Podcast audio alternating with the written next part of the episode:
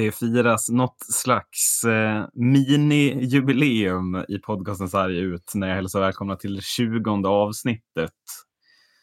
Och eh, vad, finns det något bättre sätt att fira med att eh, SHL har startat, tänker jag. Jag vet inte riktigt om jag känner det eh, efter den här extremt långa hockeylösa våren.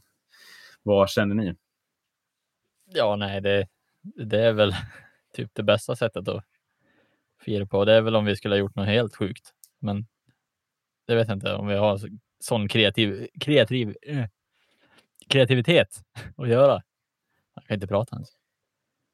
Det gick ju inte så jäkla bra heller senast när vi skulle spela in tillsammans. Så, att... så var det jubileumsavsnittet? Ja, var det skulle inte det ha varit någon slags tio, tio jubileum? Ja, jag tror, att det var, jag tror att det var avsnitt 10 som skulle vara då faktiskt.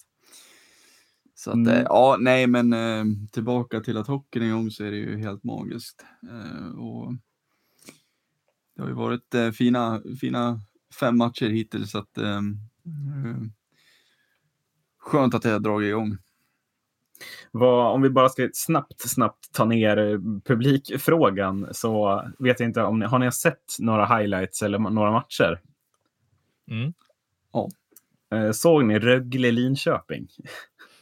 Nej. Alltså inte, jag, jag har sett lite grann, men. Mm, för jag har, jag, jag har en person som jag vill veta allt om i, i den matchen och det är den personen på läktaren som alltså har i stort sett en hel arena att tillgå, men väljer, väljer att sätta sig på rad ett, rakt bakom Linköpings mål i första perioden. som, som ser, jag kan inte se någonting förutom när Rögle anfaller, men jag tänker att eh, Ja, alltså. Vad, alltså, vad, om, det, om det nu är, det finns 50 personer, alltså, det kanske är så man måste sitta, men det, det kändes så himla absurt att man att sitta sig just där, där man knappt ser någonting. Ja, de vill ju se målet först. Ja. När det blir mål. jag tror nästan såg någon slags sargkant och ett nät om jag ska vara ärlig. Ja. Du... Minns du när vi satt i Bern Arena förresten?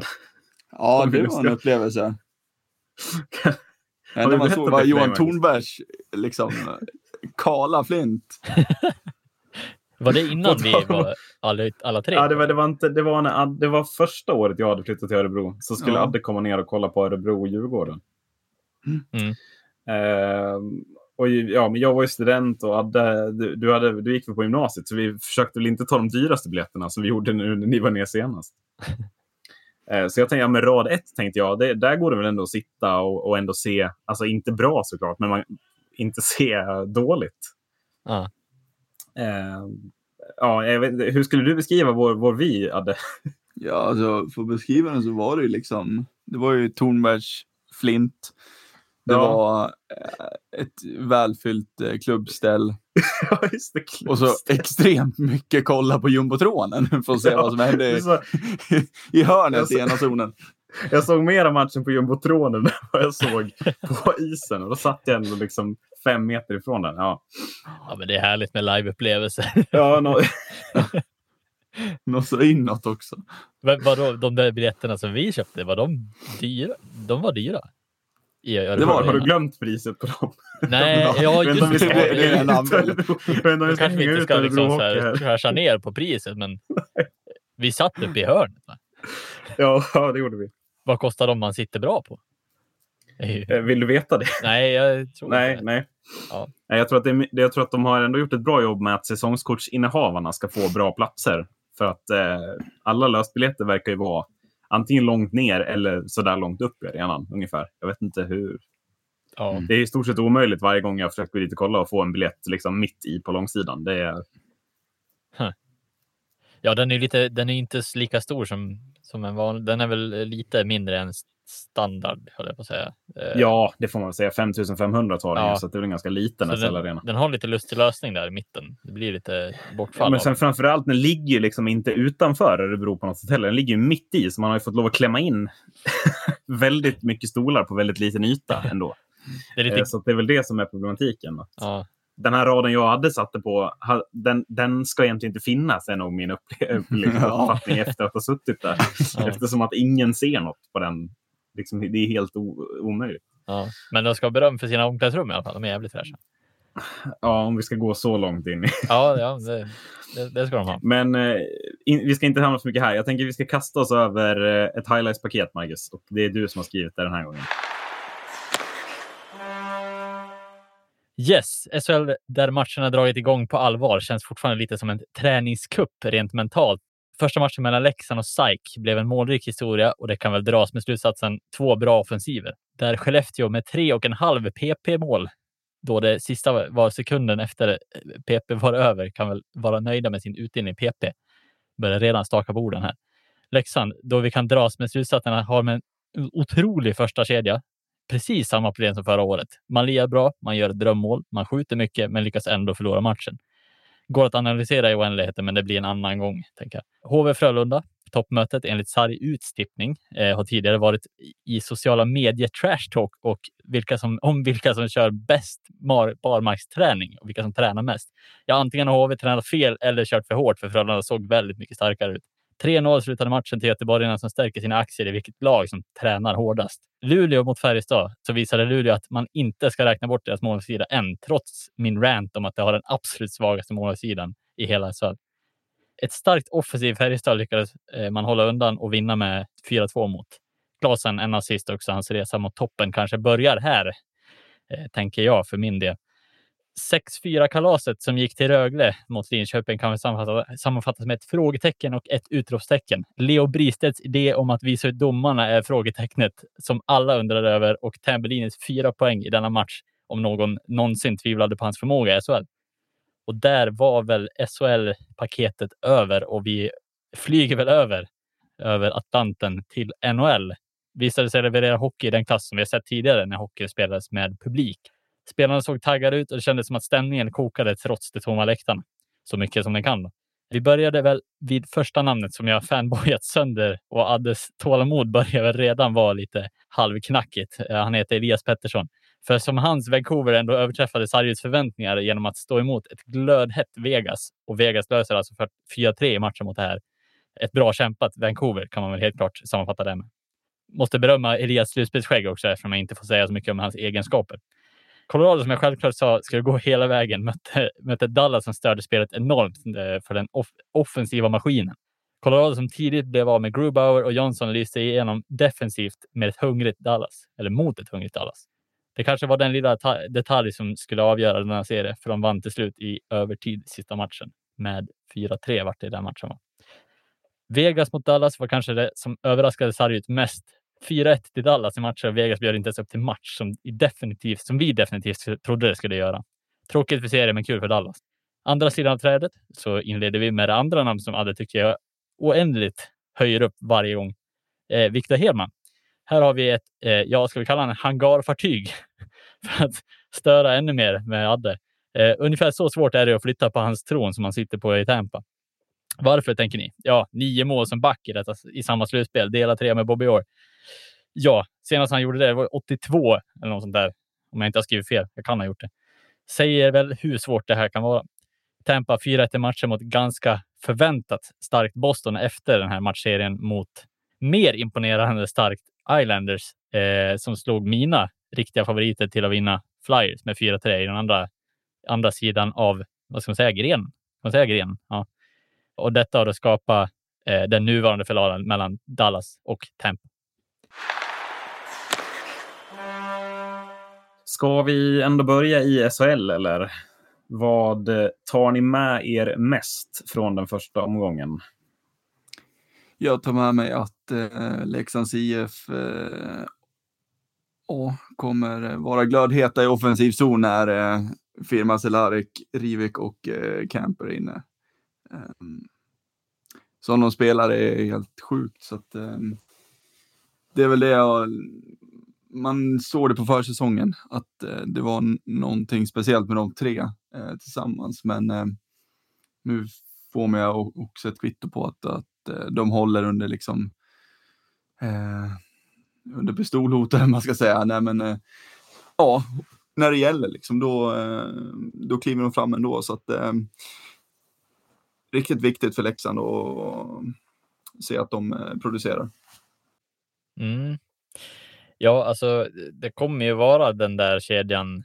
Eh, vi har ju sett eh, Björn Hellkvist matcha en eh, tydligt bästa första kedja tidigare och hur hårt han matchar den i allsvenskan så tror jag inte han kommer vara blyg här heller. Eh, utan det kommer, vi kommer att få se ett, ett, eh, en Cehlarik Rivik i varenda offensiva tekning skulle jag nästan kunna säga. För det var lite så han matchade Tembelin, Jonsson och, och Karlqvist. Eh, och jag tror att han gillar det också. Eh, jo, men, att... och, och, sen eh, tittar man dessutom, det är inte bara offensivt de matchas. Då, då, det har ju spelats en match till de slog i Malmö igår. Och Alltså där, där matchas ju de, ja men det är, en, det är ett målsledning i slutet av matchen och då är det fortfarande de som matchas i defensiv tekning. Alltså de mm. matchas mm. ju så fort de kan, så fort de orkar så matchar han in dem. Mm. Uh, och borde Leksandsfansen vara rädda för det här undrar jag? Alltså att dels kommer det eventuella skador, eller, men också att de kanske läser sönder dem eller är de bara tillräckligt bra? Jag, jag är ändå inne på att de kommer vara den stora skillnaden mellan kval och icke-kval för Leksand. För att det, mm. det, ser helt enkelt för bra ut för att de ska kunna bli helt stoppade, tänker jag. Ja, ja precis. Och jag tror väl nackdelen med det är väl att de, de spelarna som behöver speltiden bakom i leden kanske blir lidande av det. Um, men ja, alltså det, de ska ju matcha dem hårt och de ska ju. De har ju verkligen visat att de, att de bidrar till, eh, till Leksands favör. Så att eh, ja, varför ska man inte matcha dem hårt? Sen beror det på var, vart gränsen går. Liksom. Men absolut, eh, de, de ja. ser fantastiska ut än. Tar ni med er något mer? Alltså det, om vi ska lämna Leksand lite, det är mycket sagt om den kedjan. Jag måste ändå säga att eh, Frölunda såg ju... Jag hade inte förväntat mig att man skulle, för att jag tycker man går ut och kör över HV. Och det hade jag verkligen inte förväntat mig. Jag, jag satt med spel själv på att HV skulle gå därifrån med poäng exempelvis. Mm. Uh, var det en engångsföreteelse eller, eller är helt enkelt Frölunda bättre än vad många har trott? Jag tror att eh, dels är nog Frölunda bättre än vad många tror, men också att jag tror att HV inte riktigt kommer igång. Alltså, de har ju haft jättebra försäsong, HV. Eh, men jag tror att eh, de, de, de, kommer att landa in i det mer och jag tror att förhoppningsvis så kommer de väl att hitta, hitta formen lite senare kanske. De kanske inte riktigt toppar, toppar formen nu, men eh, ja, 3-0 känns som att de inte ska förlora något om de ska ha en chans i toppen. Det känns ju som att eh, expertkåren, eller man ska säga de som tippar och håller på, eh, lägger väldigt mycket vikt vid att vad Frölunda har tappat det här året eller inför den här säsongen. Mm. Eh, I till exempel då Ryan Lash. Ehm, och Frölunda har en så pass bra grund att stå på så att även fast Ryan Lash när han vill är liksom SHLs bästa spelare så har man ändå tillräckligt med bra spelare för att kunna fylla det hålet på ett sätt liksom. Mm. Även fast man tappar mycket poäng så tappar man inte så mycket poäng. Eh, för det är andra som kommer kliva fram. Mm.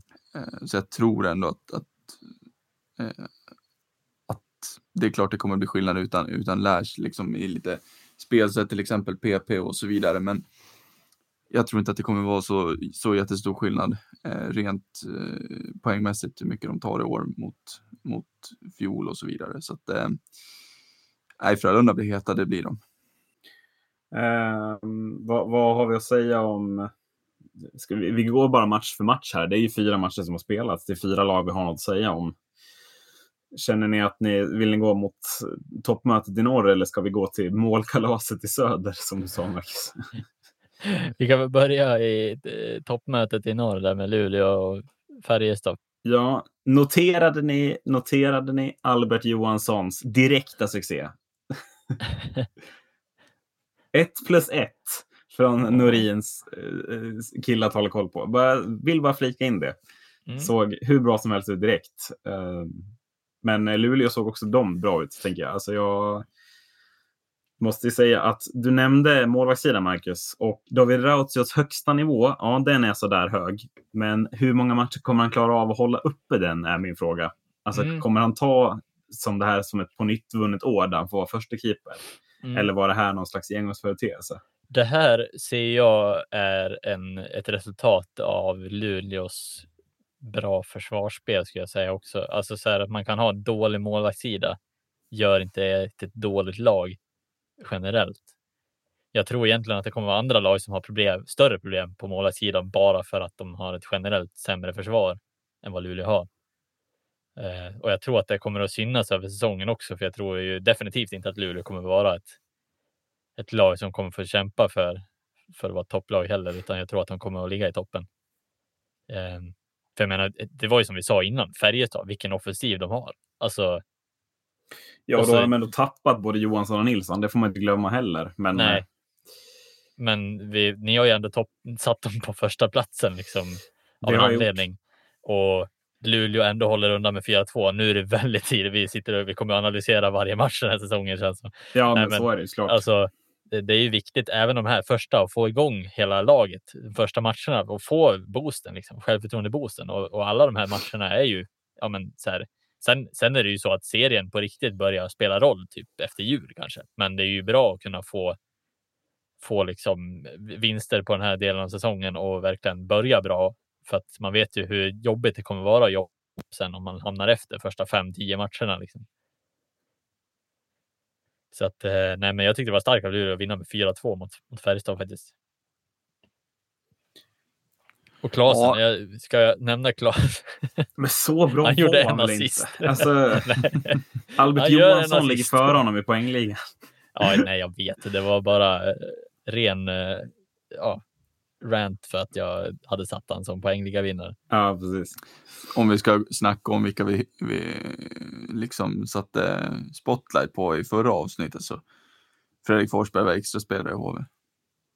Ja, och, och e- Emil Andrae var sjätte, sjunde back och gjorde ingen glad i det där tredje backparet ska jag säga, som han har gjort första gången. Så där var vi ju. De har fler matcher på sig, hade vi. ska inte säga att vi var fel på det än, men det var ju. jag var Lång jävla säsong. Hur förvånad var du över, över Forsbergs, alltså att han var 13 forward då? Eh, alltså, kollar man på laget, det är ett jättebra lag, men det, jag, vet inte, jag tyckte det kändes konstigt. Eh, för det känns ju också som att han är en spelare som producerar eh, när han får bra spelare runt om sig. Eh, ja, verkligen. Och det känns ju som att han hade ju liksom, jag menar, han hade ju kunnat gjort det hur bra som helst känner jag typ i en, i en andra lina med Alexander Bergström och Linus Fröberg. Filip Sandberg är, liksom så här, är ju är en bra spelare. Men det hade varit kul att se honom också. Eh, i, i den kedjan. För där får han ju verkligen liksom fokusera på det han, det han är bra på, det är att göra mål. Ja, men precis. Eller skickat in Törngren som center i tredje kedjan och så fått spela med, med Törngren och Önerud där. Jag tycker mm. också att det, matchningen känns inte helt klockren.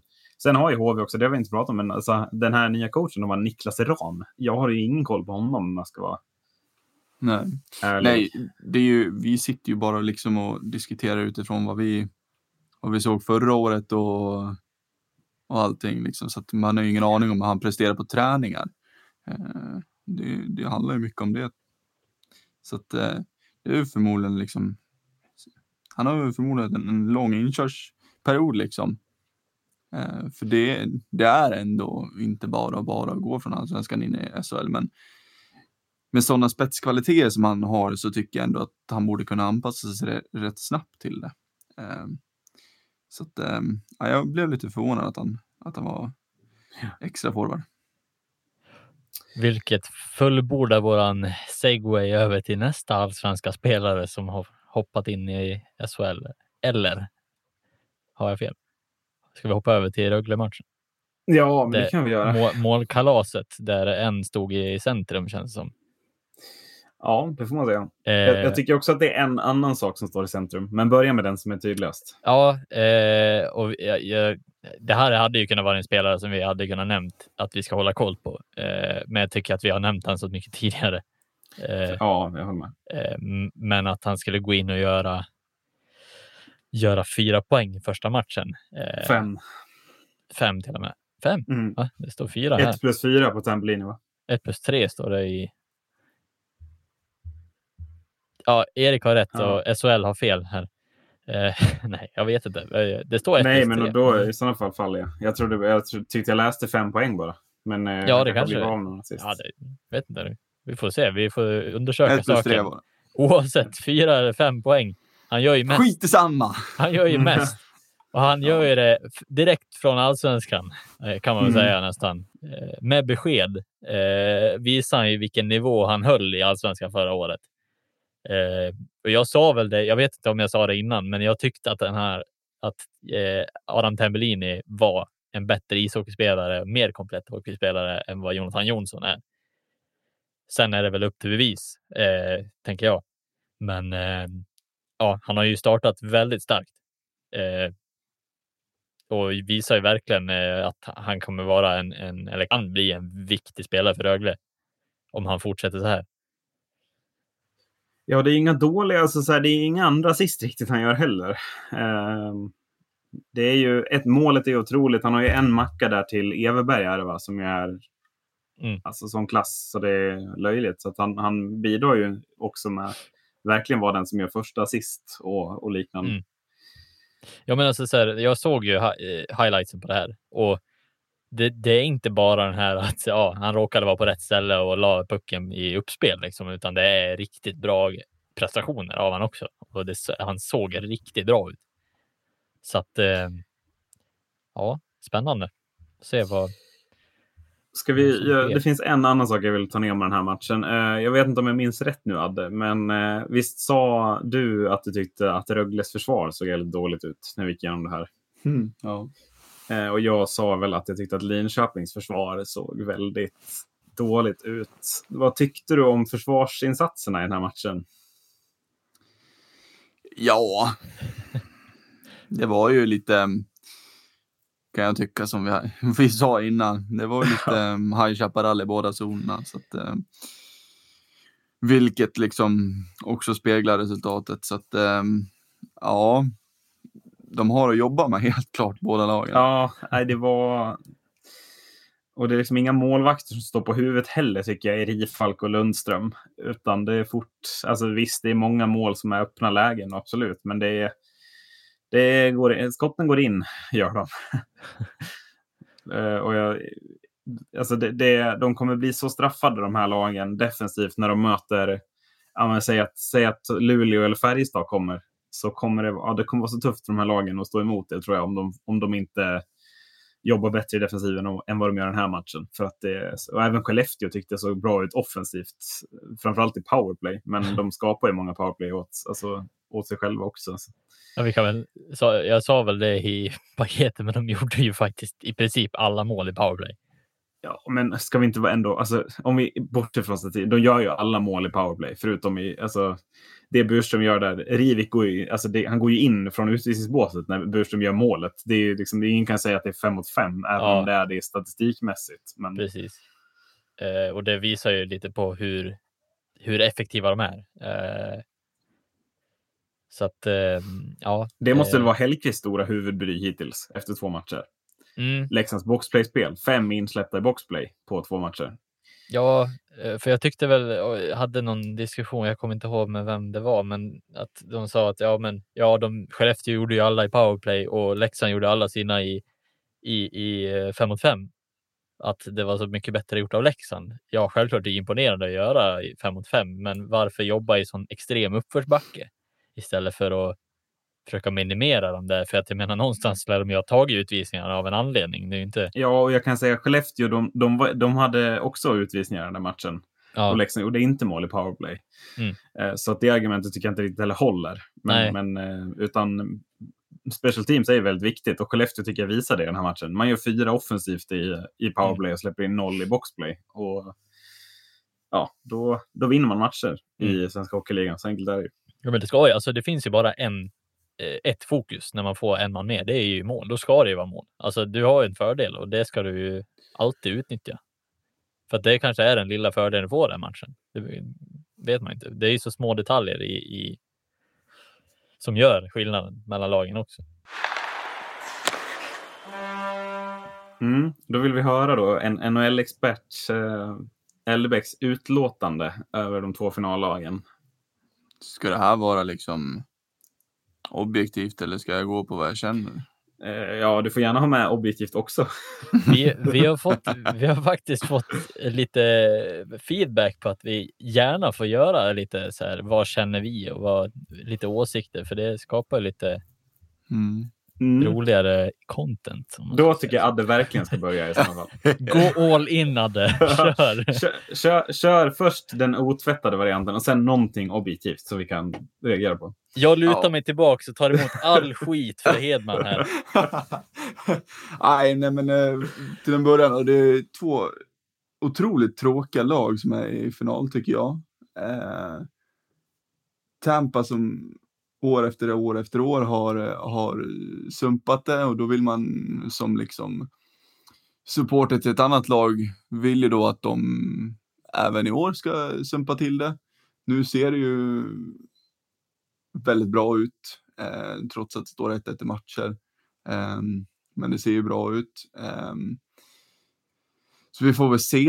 Eh, sen hör jag till den skaran som tycker att Victor Hedman hyllas alldeles, alldeles för mycket. Eh, det är jättesiffror han sätter upp, liksom rent historiskt mot, mot Bobby Orr och, och Coffee och grabbarna liksom i, i slutspel. Men eh, hockey handlar om att vinna. Det handlar inte om att, att liksom vara med på någon topplista, utan det handlar om att vinna, vinna pokaler och det eh, har han inte vunnit ännu när, eh, om man ser till Stanley Cup, då, det har han inte vunnit. Så att, eh, det är först då jag tycker man kan börja prata om hans liksom, storhet. Eh, hur extremt bra han är. Och, för det, det är ingenting jag säger att han är en dålig back, han är jätte, jättebra, men eh, just hyllningarna är ju, tycker jag, lite överdrivna. Eh, sen över till, till det laget från, från väst och Dallas så tycker jag också att det är så förbannat tråkigt lag. Eh, det är liksom ingen, eh, jag får ingen feeling alls. Det är så tråkiga spelare med Corey Perry framför allt, men sen liksom Radulov och, och Ben och sen Mattias Janmark, nej det tycker jag inte om. Och, ja, det enda som jag tycker om är väl Klingberg liksom och sen har man ju fått, fått lite feeling för, för Sjudobin i, i kassen som har spelat extremt bra, men nej, lagen över, överlag är ju så förbannat tråkiga så att jag har faktiskt inte ens, jag har inte ens orkat kolla på highlightsen från, från matcherna eh, hittills. Eh, för obvious så jobbar man ju, som du snackade om Erik förut, eh, Ja. i förra avsnittet, att man har heltidsjobb liksom så, eh, så att man inte kan vara vaken på nätterna, eh, även fast man hade velat. Men nu känner jag inte ens, jag orkar inte ens kolla highlights för det är så, det är så tråkigt. Det är så, Dallas spelar så, jag tycker de spelar så destruktiv hockey så att, nej, fy fan. Lägg ner säsongen. Men, Sen kan ni få min eh, objektiva sida och den är ju att liksom att, eh, ja men, kul med lite nytt i final. men kan jag få bara en... Jag vill ha en objektiv bedömning av det som ändå är... Men om, man sätter Dallas liksom framfart i det här slutspelet, sett till vilka de har slagit i någon slags historisk kontext. Alltså när fanns det senast en resa fram till final som var så imponerande, sett till vilka lag man har slagit ut? Förra året, St. Louis Blues. Men var det verkligen lika? Alltså, de slår ju Ja, ut... det var mer under säsongen kanske. Sen, ja, Mm. sen Dallas slår ju alltså ut Calgary som många tycker var den tuffaste av dem man kunde få från om man inte var ett round Mm. robin-lag. Liksom. Sen slår man ut Colorado och Vegas, två av de största förhandsfavoriterna. Och skulle man dessutom vinna så slår man ut den nästan största förhandsfavoriten. Alltså, jag tycker ändå att, jag håller ju med dig, Adde, rent subjektivt. När jag tittar på Dallas så känner jag ändå, det här är ju fan inte ett roligt lag. Alltså det, Nej. Kudobin i kassen, du får någon feeling från honom. Jag får ju helt annat. Vilken otroligt tråkig målvakt. En gammal jävla ryss som bara står där och stoppar lite puckar. Då är ju Vasilevski mycket roligare som är framtiden. Mm. Men att jag ändå, jag kan inte sluta att ändå hålla lite på Dallas i den här äh, finalen. För jag tycker att sättet de tar sig fram på är så otroligt imponerande, sett vilka lag de slår ut. Alltså. Ja, ja nej, men det gör jag också. Allt för att det ska gå piss för Tampa. Men, men eh, som du säger, rent, alltså, det här med vil, vilka de har slagit ut, det är ju otroligt imponerande. Den resan de har gjort i slutspelet. Att vara så nederlagstippade i, i, i princip, eller i princip i alla, i alla matcher hittills. Um, och ingen tror på dem uh, och ändå köra uh, och göra det så, så bra. Uh, det, det är jäkligt imponerande. Um, för det, ja, man, alltså hade man satt procentsatser innan, alltså innan slutspelet drog igång på vilka chanser Dallas skulle ha haft. Eh, de inte, de procenten är inte många. Eh, Nej, verkligen. Och det, jag tycker att det är ett, känns ju som att eh, det är ett, det är väldigt många coachsegrar på ett sätt också. Rick Bowness gör ju, den gamla räven gör ju, eh, gör ju ett ofantligt jobb. Jag tror att han har kommit in med, med det känns som en väldigt genuin och, och skön öppen, en, öppen gubbe liksom. Som kommer in och sprider glädje i omklädningsrummet kontra mot vad det var med, med Jim Montgomery som fick kicken här i, under, under grundserien. Um, så att han har ju kommit in med, med väldigt mycket positiv anda och jag tror att det har liksom speglat sig på isen och det är ju väldigt ofta det gör det. Um, så att all cred till Bowness och, och grabbarna som, som, um, liksom, som styr skeppet. Um, för de har, um, de har levererat bra, det har de gjort. Alltså, sen jag, eh, jag har ju, som ni kanske har förstått, hyllat Hedman till alldeles vansinne. För ja, det får man säga. Han har varit så bra. Eh, sen tycker jag att jag, jag tycker det är jävligt kul också. Eh, I alla fall, en, en annan spelare som jag tror många har glömt bort i hela den här eh, serien och hela, hela deras resa som Dallas har gjort, det är John Klingberg. Jag insåg ju först det här för alltså så här, han var ju hur bra som helst mot Colorado. Han, var, han är hur bra som helst nu också. Alltså titta på de assisten han gör den matchen och målet han gör Alltså så här, hur, hur avig han är på blå linjen när han ska skjuta för att ingen vet när de ska täcka. Han, han ser ut lite som att så här, ja, men, alltså, jag tror att man underskattar honom enormt för att han ser lite ut som att nej, nu ramlar han. Nej, men jag, jag tänker på samma sak där, Marcus, just utifrån det du säger nu. att jag, jag, tycker att det har blivit lite för mycket fokus på Hedman eh, och det här mål, imponerande målfaset han har. Eh, för att det rekordet betyder ju alltså egentligen ingenting om inte Hedman vinner det här uh, Stanley Cup-slutspelet. Ja. Då kommer man, ingen kommer minnas att Victor Hedman gjorde så många mål om inte Tampa Bay vinner. Och därför tycker jag att man pratar lite för lite om John Klingberg. Och framförallt för lite om hur fantastiskt det är att de två lagen som just nu spelar eh, liksom S eller final, världens viktigaste final i sporten hockey, typ den största finalen.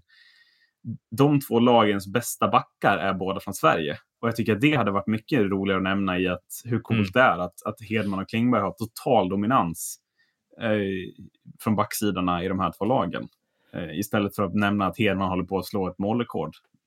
Mm. Jag vet inte hur du känner där, men, men kan man, alltså, Klingberg är ju jätte, jättebra. Jag tycker som du säger, hans förmåga att få igenom skott är ju fullständigt otrolig. Och det är en sån där egenskap som man sällan tänker på om man inte verkligen tittar noggrant på den.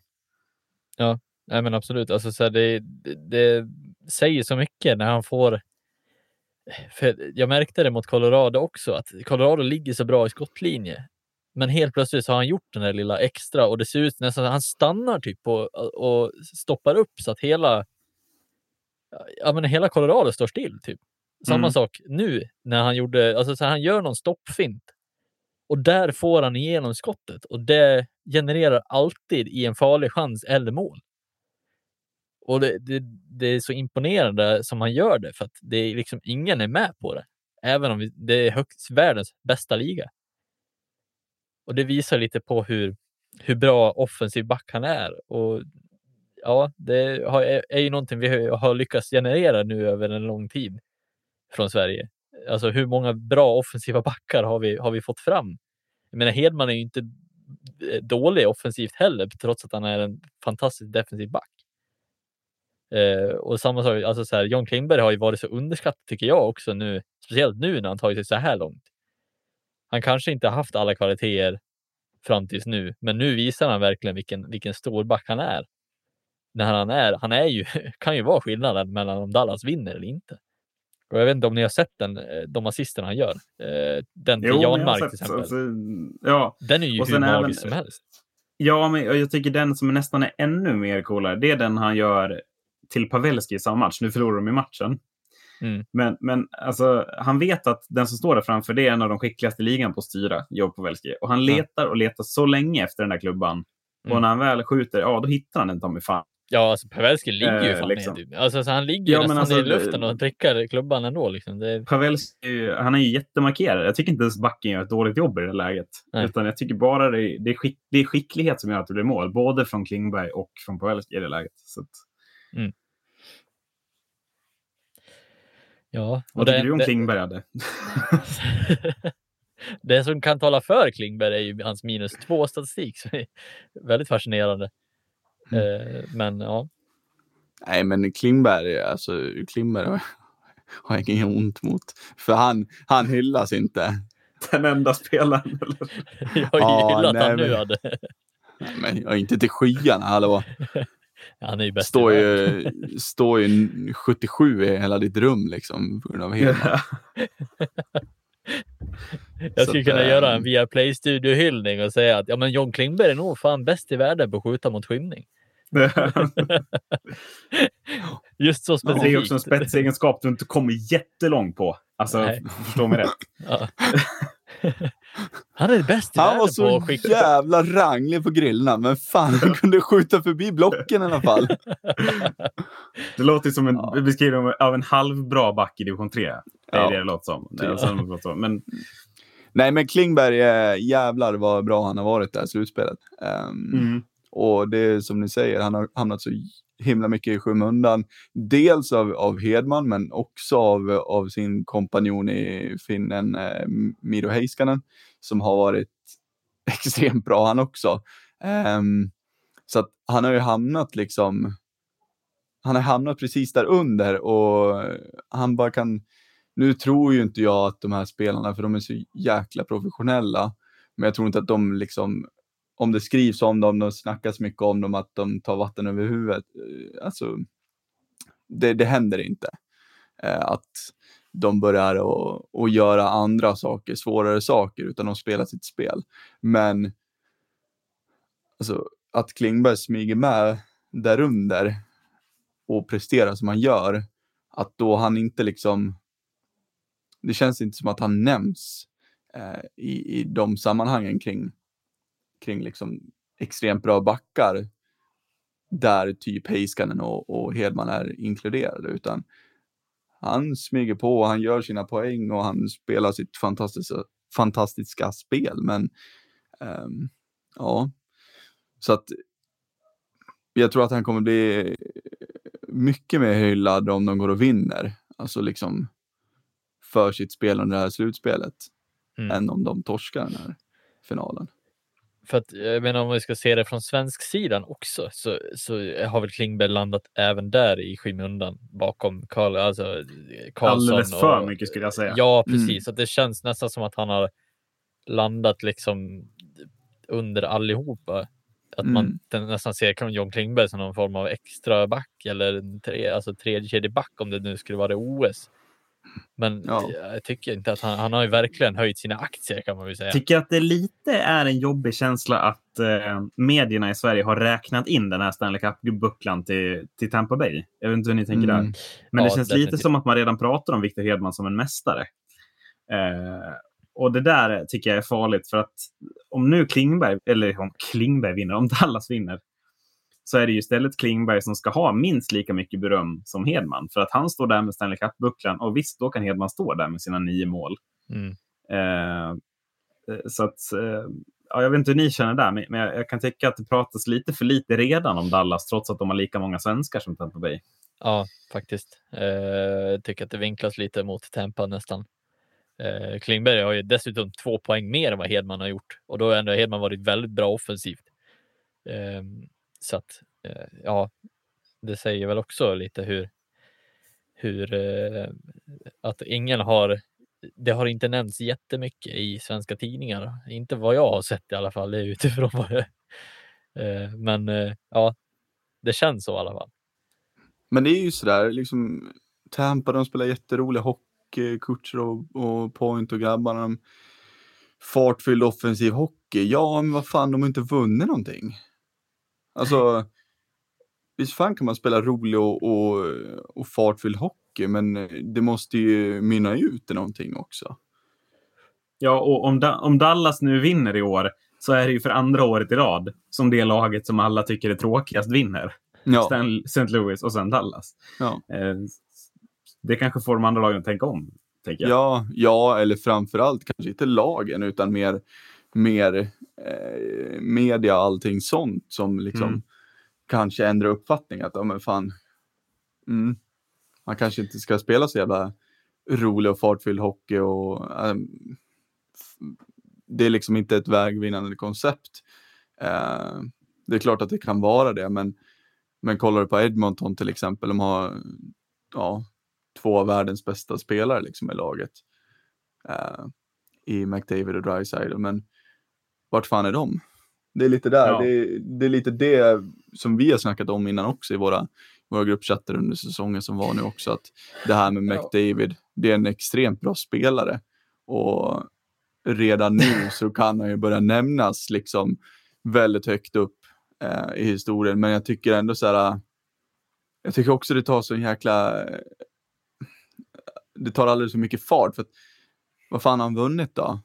Han har vunnit individuella priser, ja absolut. Det har han vunnit, men liksom en spelare, hade inte jag varit, om jag hade lirat NHL, jag hade inte varit nöjd med att vinna individuella priser, jag hade ju varit nöjd med att vinna Stanley Cup. Och det är ju ändå där målet måste ligga. Um, så det är, väl, det är väl lite, ja. liksom, det är någonstans med den typen av, av liksom tanke man måste lämna det här segmentet. Att, alltså, ja, man, kan, man kan tänka på Pittsburgh, Toronto och Edmonton och tänka på tre väldigt roliga hockeylag. Och sen tittar man på resultaten. Mm. Och så deppar man ihop typ. Alltså, ja. typ så. Ja, typ så. Bumper på det. jag, vill, jag vill också bara nämna så här, på tal om tokhyllade spelare, Henrik Lundqvist har fan aldrig vunnit någonting. Nej. OS-guld. Jo, men inte Stanley Cup. Han är ändå tokhyllad i Rangers. Jag tänkte att det var hårt att säga att han inte hade vunnit någonting. Daniel Alfredsson har inte heller vunnit någonting. Nej. Han är fan bäst. Vad fan säger du ah, där? Okay. Vi måste lämna det här segmentet. Det blir bara mm. faktafel efter faktafel. Ja. Erik Karlsson inte... Okej. Okay. Ja, det är lugn. Ja, nej, men vi kastar oss in i... Vi ska, vi ska toppa och vi ska bänka den här veckan. Eh, vi tar tillbaka det segmentet vi presenterade för 37 avsnitt sedan. Och eh, min bänkning som jag har tagit fram att gå ihop med vårt sista ämne sen. Så det kom, vi börjar med att toppa idag. Adde. Vi börjar med att toppa och eh, vi har redan varit in på, på honom. Eh, Rögles fantastiska spelare, Adam Tambellini. Mm. Eh, som jag väljer att toppa med. Eh, det kan verka lite tråkigt att toppa liksom, med en spelare bara sådär, men eh, eh efter ehm, och, och Leksand har vi pratat väldigt mycket bra om, så de tycker att så mycket eh, tid ska de inte få. Eh, så att vi skjuter in Adam Tambellini, för efter den premiären som han hade så ehm, ja, vad ska det sluta? För det helvete vad bra han var. Ja, men känns det inte, alltså, jag, tror ju, jag tror ju Rögles offensiv kommer fortsätta vara bra hela säsongen. Och ja. Tambellini visar redan direkt att han vill ju vara en del av, alltså, av den, både i powerplay och, och i, i 5 mot 5 offensiv zon. Så mm. jag tror precis som du att det finns inget stopp om det inte kommer en skada. Mm. jag har ju berömt tillräckligt Tambellini. Så jag, jag, jag, lägger mig passiv. Du, bara, du sitter bara rädd för Adde nu att han ska Ja, alltså, är... Fan vad du hyllar Tambellini. ja. Men vad är Tambellinis styrkor, Macke? Du som ändå sett honom. Alltså, vad, skulle, vad skulle du säga är hans största styrkor? För jag har lite svårt att sätta fingret på det tycker jag. När jag ser, ser honom. Alltså, jag ser att det är en bra spelare, men vad, vad det är som är gör honom till en av de bästa är, är det jag har svårt att sätta fingret på. Vad skulle du säga? Oj, ja. Alltså han. För det första, alltså så här, det är väl just hans. Det, alltså så här, han har ju en förmåga att, att ha blandat tekniken med sitt fantastiska skott på något vis. Han kanske inte är den absolut snabbaste spelaren i, i världen så, men han på något sätt lyckas hitta sig till rätt ställen.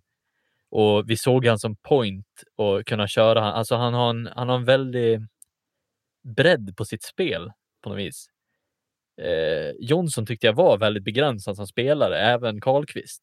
Men Tambrini känns som att oavsett vart han fick rollen så tog han den.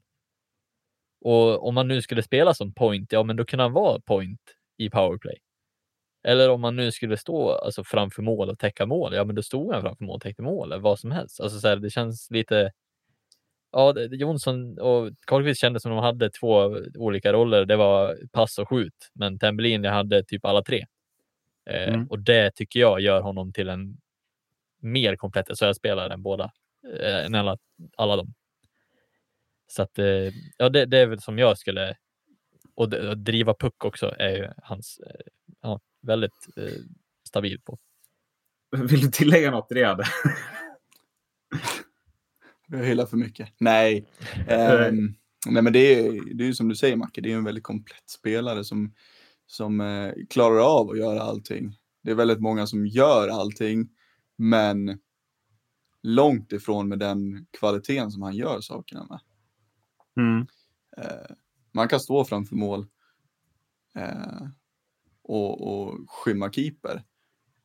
Men, på, men han gör det, förstår vad jag menar, nu tog jag ett ganska dåligt exempel med tanke på att han inte är den som främst står framför mål, men men han gör det en nivå, eller extra. Han gör ja. det en nivå bättre än, än, än resterande. Mm. Um, så att det är en otroligt komplett spelare och väldigt flärd spelare som um, ja, flyter fram på isen. Mm.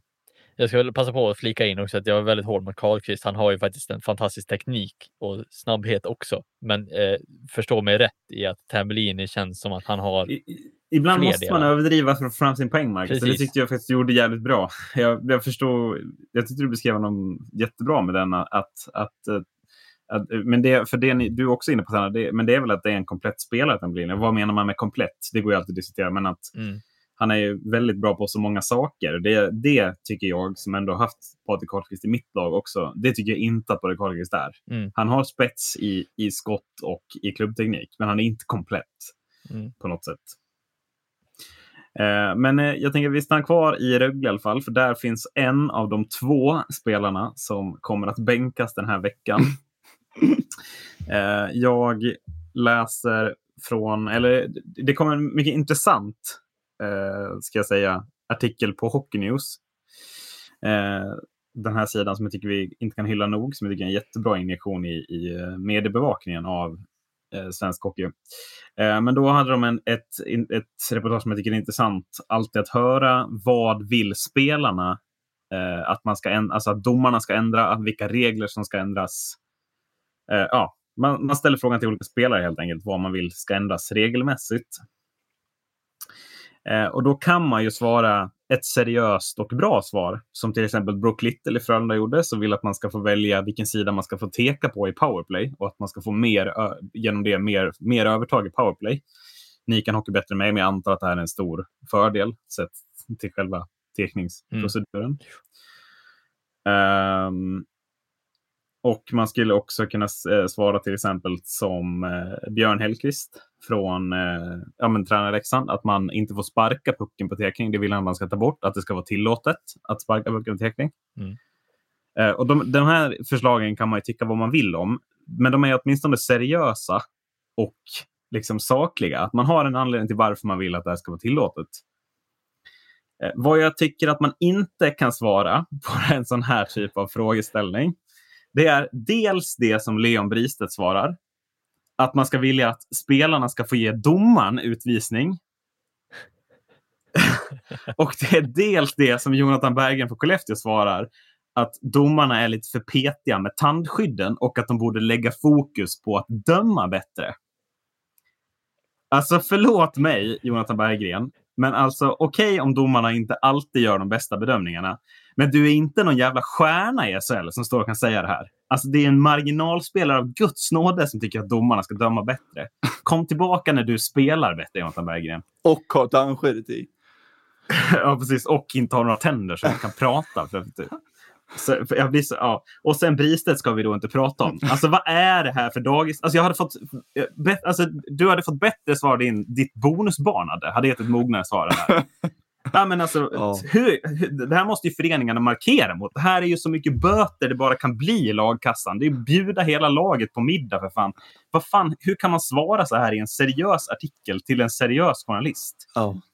Nej, det är, Nej, alltså, det är bara att sätta sig på bänken. Det här är bland det pinsammaste jag sett någonsin. Mm. Och nu måste jag hämta andan, så svar, säg gärna vad ni tycker. alltså, ja. vad ska man säga? Nej, men Ja, alltså jag förstår eh, så här, ja men de kommer med en fråga så kan de inte svara eller de har inte tid att tänka vad de nu de tjänar för mycket. Nej, jag vet inte. Nej, i alla fall. Det, det går att säga att nej, jag har ingen aning. Det, det är okej okay att svara så till en journalist. Att tyvärr, ja, du får fråga någon annan. Jag har ingen aning. Mm. Det är ett bättre svar än att säga att ja, domarna, att vi ska kunna ge er utvisning. För det finns ingen form av på något sätt Finns det någon logik i det? Helt, saknar helt logik. Alltså det är så... Ja, det är så. Ja, men det hade ju alltså så här. Det är också så här. Det är inte så, det är inte så att Leon Bristedt har stått en kvart och försökt komma på någonting heller. Det, det, kan ju omöjligt vara, men att det första han får ur sig är att ah, vi borde få ge domarna utvisning. Bara så här, oh my god! Få kramp ja, tycker, i öronen Vad tycker du som domare här? Alltså, ja, så här. Så patetiskt. Det är som du säger, sätt dig längst bak på bänken liksom och håll käften liksom. Ja, men och skäms. Ja, alltså, ja det, de här spelarna måste ju gå, det måste ju kräva en offentlig ursäkt av de här spelarna över hur man kan vara så dum. Ja. Det är liksom, alltså, jag, jag kan inte... Bland det töntigaste jag sett. Alltså, skämskudden har jag hållit i ända sedan jag läste den här artikeln. Jag har mm. tagit med mig den på stan. det, knutit näven okay. i fickan. Och... Om, vi, om, vi nu ska så här, om vi nu ska sätta det typ i någon form av så här, spelarna som du, alltså så här, om, om, om Leon Bristedt så här, tänker att ja, men, jag är en professionell hockeyspelare, lär han ju tänka. Jag vet inte vad han tänker annars. ja, vi har fan jag... ingen aning om vad han tänker med tanke ja, på det här svaret. ja, nej, precis. Men någonstans lär jag ju ändå fatta att jag spelar för en professionell förening. Jag har ett ansvar i media jag tjänar mer pengar mm. än 99 procent av alla svenskar. Ja, liksom. precis. Nej, men alltså så här, det, om, om, om vi nu säger att Hockey News hade kommit med tvärtom alltså situationen, att så här, de har ställt frågan till domarna. Så här, vad tycker ni att spelarna ska ändra på? Det är ju inte så att huvuddomaren gått och sagt att Leon Brystedt ska ändra på sin attityd eller något sånt där. Alltså, så här, Eller han ska, han ska bli bättre på att hänga med oss i vardagen. Alltså så här, det är inte så att de kommer med något sånt där oseriöst svar, för det är det här svaret. Det här är så oseriöst att det, det finns ingen logik bakom det överhuvudtaget, eller tanke. Och, och det, det, det, känns lite så här, om, om, om nu Leon Bistedt tycker att domarna ska hålla samma nivå som honom, ja men då lär han fan göra det här också. För att det gör inte han. Och då och kanske... Nej, men, nej, men precis. Och, och liksom så, alltså, men, också när han svarade här, att, vi, att man ska kunna ge domaren en utvisning. Alltså hur går det till i praktiken har han tänkt? Mm. Han, han får en utvisning mot sig. Han tycker den är felaktig. Eh, alltså, blåser då och ger domaren en slags utvisning? Eller vad är hans tanke att proceduren ska gå till? Vem ska visa ut domaren? Är det han själv? eller, eller? Och när har han rätt till att göra det? är ju min... Ja, ja men precis mitt ett anfall för motståndarlaget. Ja. ja, precis. Nej, men alltså, och ni som skrattar åt det här svaret också. Fram med skämskudden på er då! Ja, men alltså, vad, vad skrattar alltså, om, ni åt i vardagen? Liksom? Alltså ett meddelande från Podcast Desired. Om man har läst den här artikeln och skrattat åt Leon Bristedts, äh, alltså åt det här svaret, om man tyckte att det var kul. Eh, ni har ingen humor då? Det är bara att, alltså, bara, bara så ni vet. Det, då har man, om man tycker att det här är kul, då har man ingen humor. Nej. Det, det, då, då, har man, då har man ingen humor. Det är liksom... det är så gränslöst oprofessionellt att jag, jag bara vill... Alltså, ja, måtte Jonathan Bergen få en puck i munnen, säger jag bara. Det är på den nivån. Det här är så... Ja, nej, fan, nu går vi vidare. Ska vi då, dagens sista ämne, ska vi gå lite in på nya regler är det väl inte som domarna utövar, tänker jag, utan nya direktiv måste det vara. Mm. Eh, du kanske kan förklara lite, Mr. Ref. Om, ja, om ni men... har missat det så har vi ju en domare i podden. Om... ja, precis, men det har väl ingen missat. Jag vet inte, det kan man ha. Nej, men vi gick ju väl igenom i typ i början av eh, uppstarten av den här podden lite eh, inför den här säsongen med nya reglerna och sådär. Jag tänker att eh, de har ju förmodligen de flesta sett. utan nu är det mera liksom det vi vill komma in på, väl mera direktiv än vad som har sagts kring saker och ting. Och det är ju att få bort de här spelförstörande momenten och ehm, börja bli lite mera um, lite mera som eh, NHL till exempel, där de är väldigt hårda på, på spelförstörande momenten. Eh, här i Sverige har man ju liksom gjort väldigt många saker för att få en mer offensiv hockey. Eh, tycker jag ändå. Eh, det är liksom att man har ändrat vid, vid tekningar, eh, att det är defensivt lag som sätter ner klubban först eh, och det är offensivt lag som sätter ner sist och därav får en fördel. Eh, för att kunna eh, etablera spel i, vinna teko och etablera spel i offensiv zon.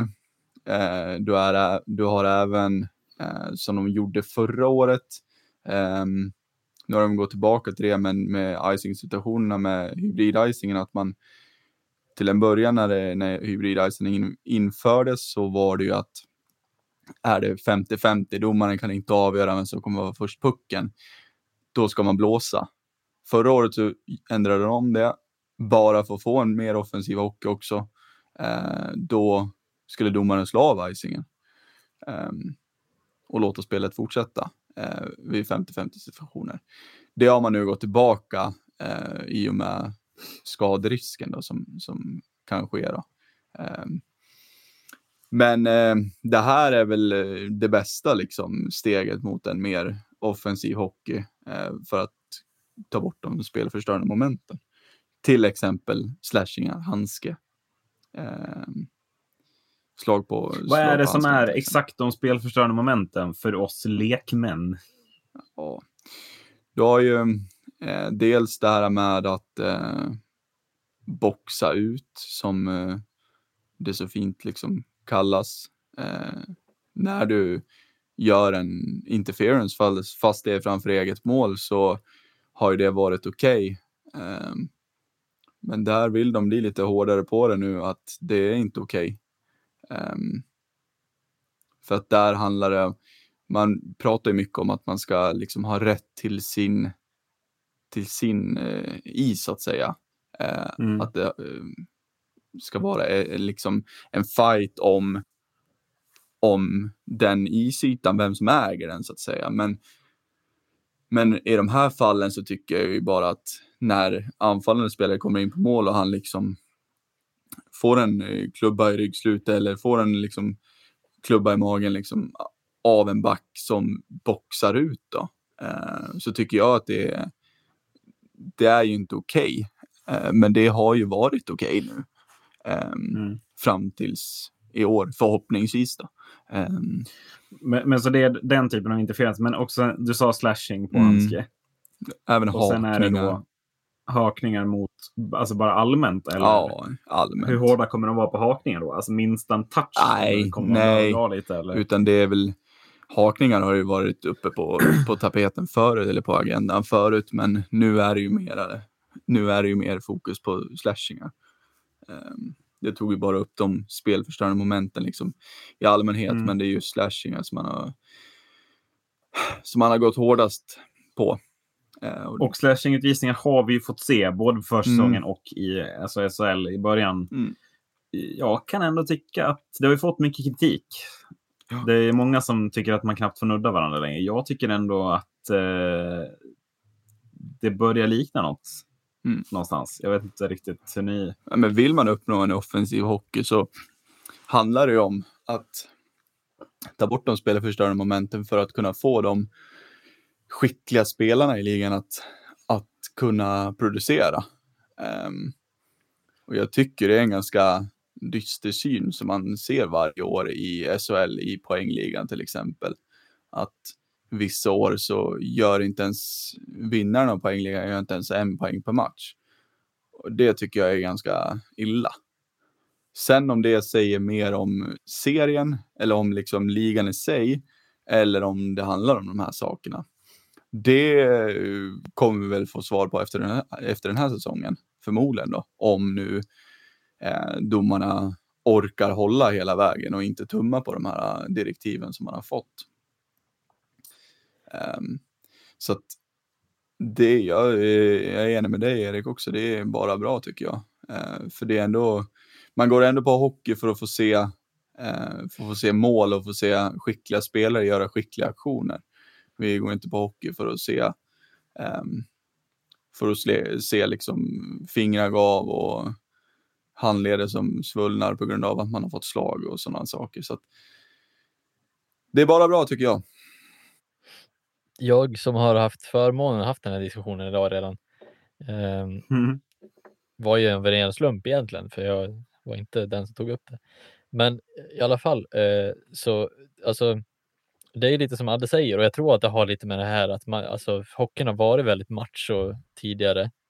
Att det är därför supportrar, för många supportrar har ju gått emot det här och sagt att ja, men det här blir så tråkig hockey, blåser sönder matcherna. Ja, men då måste ju spelarna ta sitt ansvar och faktiskt liksom. Det är de som måste ändra på sig. Det är de som måste anpassa Precis. sig till det nya. Och det nya är att ja, men du ska inte haka. Alltså, du ska inte vara där med klubban. Om domaren blåser, ja, då är du ju fel ute. Mm. Och att säga att domarna har, har fel i det här, det är ju inte de som har satt reglerna för det här. De har väl förmodligen varit en del av det, några av dem kanske, eh, och tagit fram förslagen, men det är de som ska utföra det på planen. Liksom. Det är de som får ta emot motståndet på, på isen att eh, ja, men, även supportrar och spelare ska måste klaga på dem för att de tar de direktiven som man fått. Liksom. Men det har ju, det har ju liksom ligan tillsammans, alltså ligan i stort, inte bara organisationen SHL utan alltså även lagen tillsammans med domarna har ju kommit fram till det här. Alltså att det är ju mm. som du säger Macke, det är bara, bara för spelarna att acceptera det här och rätta in sig i det här. Mm. Det jag menar med att, att, att domarna ska orka hålla i. Det är liksom, jag, eftersom jag är domare själv, vet hur, alltså hur drygt det är när du, när du gör samma sak hela tiden. Eh, när, du dömer, när du dömer för samma sak hela tiden och när spelarna inte kopplar upp i hjärnan att okej, okay, fan han tar mycket för det här, jag kanske ska skita i det. Men sen fortsätter, jag vet hur drygt det är att, att eh, fortsätta med det också. Mm. Och det tycker jag liksom i en, alltså i en match. Att de då ska orka hålla i 52 omgångar om spelarna inte bjuder upp till dans. Mm. Ja, då är det ju självklart att domarna allt eftersom kommer att, att trappa ner på det här. Och då är vi tillbaka till, till liksom ruta ett igen. Ja, för att vi måste ju ändå så på något sätt. Ja, visst, det kanske blir tråkigt i början när det anpassas, men det är ju samtidigt också så här. Det måste ju vara spelarnas ansvar, för de är ju heltidsproffs. Alltså, de, de ska kunna den här regelboken utan till lika bra som domarna kan den. Tycker man ju ändå med tanke på den lönecheck de plockar ut varje månad så borde de vara minst lika bra som domarna är på den här regelboken. Eh, och, och då liksom fatta borde de väl göra efter bara en, två omgångar att ja, vi har det här. Ofta går de väl igenom varje, innan varje säsong vad det är för nya grejer. Det brukar vi, brukar vi göra i alla fall. Vad som är, nu är det hårdare koll på halsskydd och så vidare. Alltså att de borde veta om det här och det borde inte vara, det är som att fokusera precis som när du ska göra mål. Det är klart att du skjuter i där målvakten är svag. Du kan inte skjuta i blocken varje gång och säga vad fan. Det är ju samma sak här. Du kan inte slå på handsken och säga vad fan och så lär du ingenting, utan du, då skjuter du på det stället där, där du får, där du kommer att göra mål och där du får, ja, men där du får ta pucken. Nu tar jag två olika liksom för att jämföra, men alltså det måste vara lika hög fokus på att vinna pucken från någon som det är att göra mål i princip när du ska skjuta. Alltså det kan inte vara så mycket begärt. Och det måste vara, för det handlar ju om att lagen vill ju inte ta utvisningarna. Det, det kan ju handla om vinst eller förlust. Eh, så att jag menar, titta på typ, ja, men om vi jämför med den matchen eh, Skellefteå-Leksand. Leksand tar fyra utvisningar, Skellefteå gör fyra mål. Hade de inte tagit några utvisningar kanske Skellefteå, hade de hållit undan mot Skellefteå kanske. Nu är det svårt att säga så, men, jo, ja, men det, det, det, är liksom, de men, måste men, ju det. Skulle man inte också kunna argumentera för att, att eh, alltså de, de, det som skulle kunna bli de riktigt positiva effekterna av det här är ju dels att det blir färre utvisningar för slashing och hakning, vilket innebär att mer offensiv hockey kommer premieras. Men det skulle också kunna innebära att spelarna blir tvungna att bli bättre på kroppskontakt och på att tacklas. Mm. Och på så sätt, alltså kanske att vi kan undvika fler hjärnskakningar med också, men fortfarande få se mycket bra tacklingar och mycket bra kroppskontakter utan att det blir att man använder klubban med. Jag vet inte, det, det kanske är att dra det ett steg för långt, men, men jag tänker ändå att det skulle kunna bli en positiv eh, alltså fördel av det här. Ja, ja men jag, jag tänker väl också att så här, det skapar väl mera den här att, att spelaren måste ju, alltså, måste ju kämpa för att, för att sätta in den här brytningen mera. Alltså så här, det är ju klart, om det är ett friläge, då är det ju någonstans innan som antingen motståndarspelaren gjort bra eller den andra spelaren har gått bort sig. Alltså, utvisningarna kommer ju av en anledning. Det är ju antingen du hänger inte med eller den andra spelaren var bättre än dig. Då ska det inte vara att ja, men om det är friläge, då ska ju inte liksom backen kasta sig och kapa dina fötter bara för att skapa en utvis alltså skapa en, ett straff istället. Alltså det, du ska inte kunna liksom, ja, men utnyttja det. Sen är det klart att det kommer ju att ske bara för att ja, hellre det än mål. Men det ska ju vara i de här små situationerna, alltså så här, i egen zon. De här små detaljerna som gör att ja, men jag hängde inte riktigt med, men då sätter jag inte upp klubban istället, utan då åker jag fan i kappan och tar, vinner pucken istället. Eller då, då är jag ändå så pass bra att jag bryter pucken utan att slå han på handskarna. För att slå han på handskarna, det är ju bara ett sätt att försöka liksom ja, men ja, jag vet inte. Det, det är väl bara en frustrationsgrej egentligen kanske för många. Att man vet att det är fel, men det händer ändå för att, ja, för att man hänger inte med. Och då kan man ju argumentera för, ja, men är det verkligen domaren som blåser sönder matchen eller är det bara liksom dags för spelarna att anpassa sig och börja lira det roligare hockey helt enkelt? För att ja. det lär ju, det lär ju bli det kan man tycka. Ja, alltså jag tänk, tänker, ska vi ta, ta tillfället i akt att på något sätt marknadsföra våra sociala medier här? Vad, vad tycker ni, kära lyssnare, om det här? Ja, det vore. um, och vi tänker att höra av er på Twitter eller Instagram vad, vad, man tycker om de här nya direktiven. Vi, vi förväntar oss inte att alla ska hålla med oss om att de är bra, såklart, sett till vad vi har sett på sociala medier hittills. Uh, men vad heter vi på sociala medier? Bra att jag kan det. Sargut podcast. Sargut podcast, ja. Bra att vi vet det själva. vi bytte ju, vi ändrade. Det vart ju fel på Twitter en gång. Så var därför. Ja, ja. ja just det. Just det, just det. Eh, nej, men så att Sargut podcast på både Facebook, Twitter och Instagram. Hör gärna av er vad ni tycker om, eh, om de nya direktiven där, där man åker ut för väldigt Alltså det är mycket slashingutvisningar för minsta rörelse vid handsken med klubban kan man säga. Mm. Då tänker jag att jag eh, ställer frågan att vi har varit i poddzon under en eh, ganska lång tid. Hur tar man sig enklast ur zon? Det gör man sarg ut. Det gör man synnerligen sarg ut. Eh, tack för att ni har lyssnat. Hej då. Hej då.